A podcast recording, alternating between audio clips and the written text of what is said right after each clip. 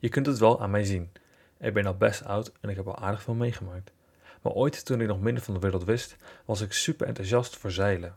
Optimist zeilen, om precies te zijn. Een optimist is een klein 1 à 2 persoons zeilbootje.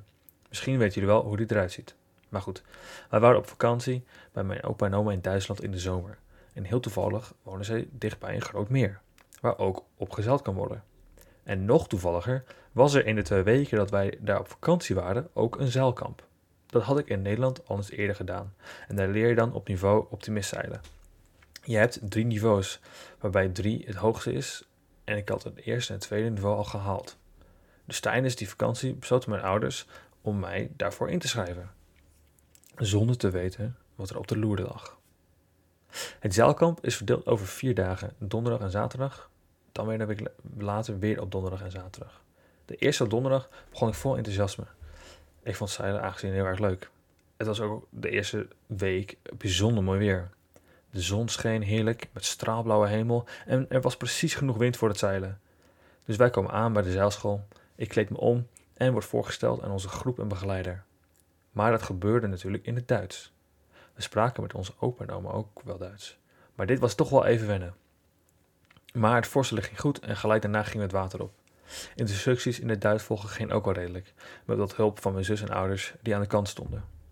En zo gingen de eerste twee dagen eigenlijk zonder probleem verder. Het weer bleef ook geweldig de eerste week en alles liep op rolletjes. Ook de tweede week begon goed, met het mooie weer wat we van de vorige week hadden meegenomen. Het was eigenlijk heerlijk om te varen en zo liep de derde dag ook zonder probleem af. Op de laatste dag van het kamp moesten we binnen in het gebouw verzamelen. Normaal deden we dat bij de schuur, eigenlijk in de haven, om zo gelijk het water op te kunnen. Ik was dus aardig verbaasd toen we in toetsopstelling moesten gaan zitten. Niemand had mij wat verteld over een toets. En om de situatie nog erger te maken, was die toets geheel in zijn Duits. Kijk, het Duits praten, dat lukt nog wel. Maar lezen en schrijven, dat is andere koek. Paniek schoot mij tot aan mijn teen door mijn lichaam.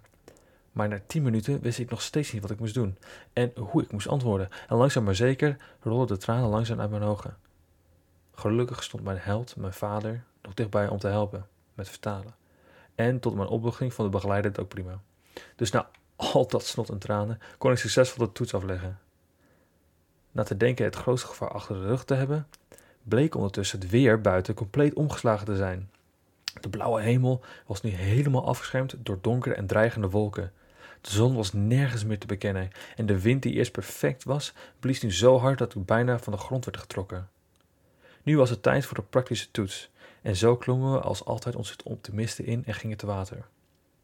Het water, wat eerst een mooi groot meer was met kalme golven, was nu alleen veranderd in een woeste zee met golven van wel 2 tot 3 meter hoog. Voor het examen moesten we een rondje afleggen.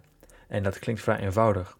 Maar zodra je het water opkwam, leek het alsof je op een slagveld belandde.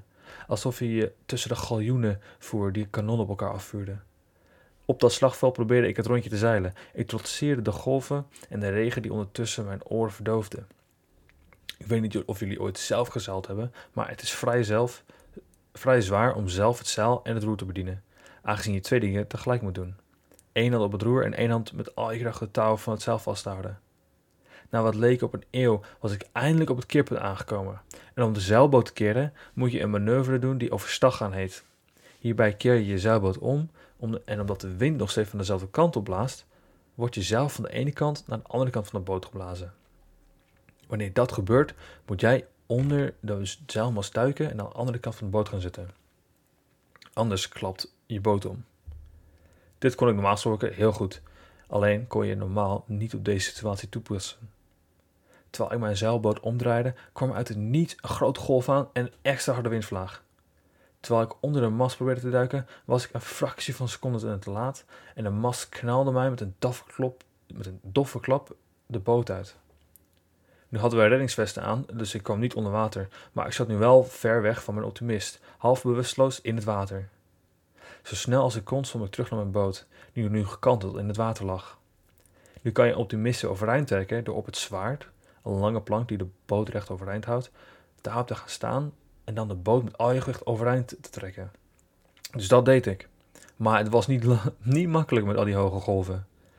Toen de kracht in mijn benen het bijna begaf, kreeg ik de boot weer goed in het water, zodat ik erin kon klimmen. Het laatste deel van de weg terug is echt een waas. Ik heb geen idee meer hoe ik dat heb gedaan. Wel weet ik dat ik met mijn handen vol bladen, doorweten kleren en een gigantische bult op mijn hoofd weer terug bij de haven aankwam. En jawel, ik had mijn zeildiploma gehaald. Maar ik was de enigste weer aan wal. Wat er met alle andere kinderen gebeurd was tijdens het examen,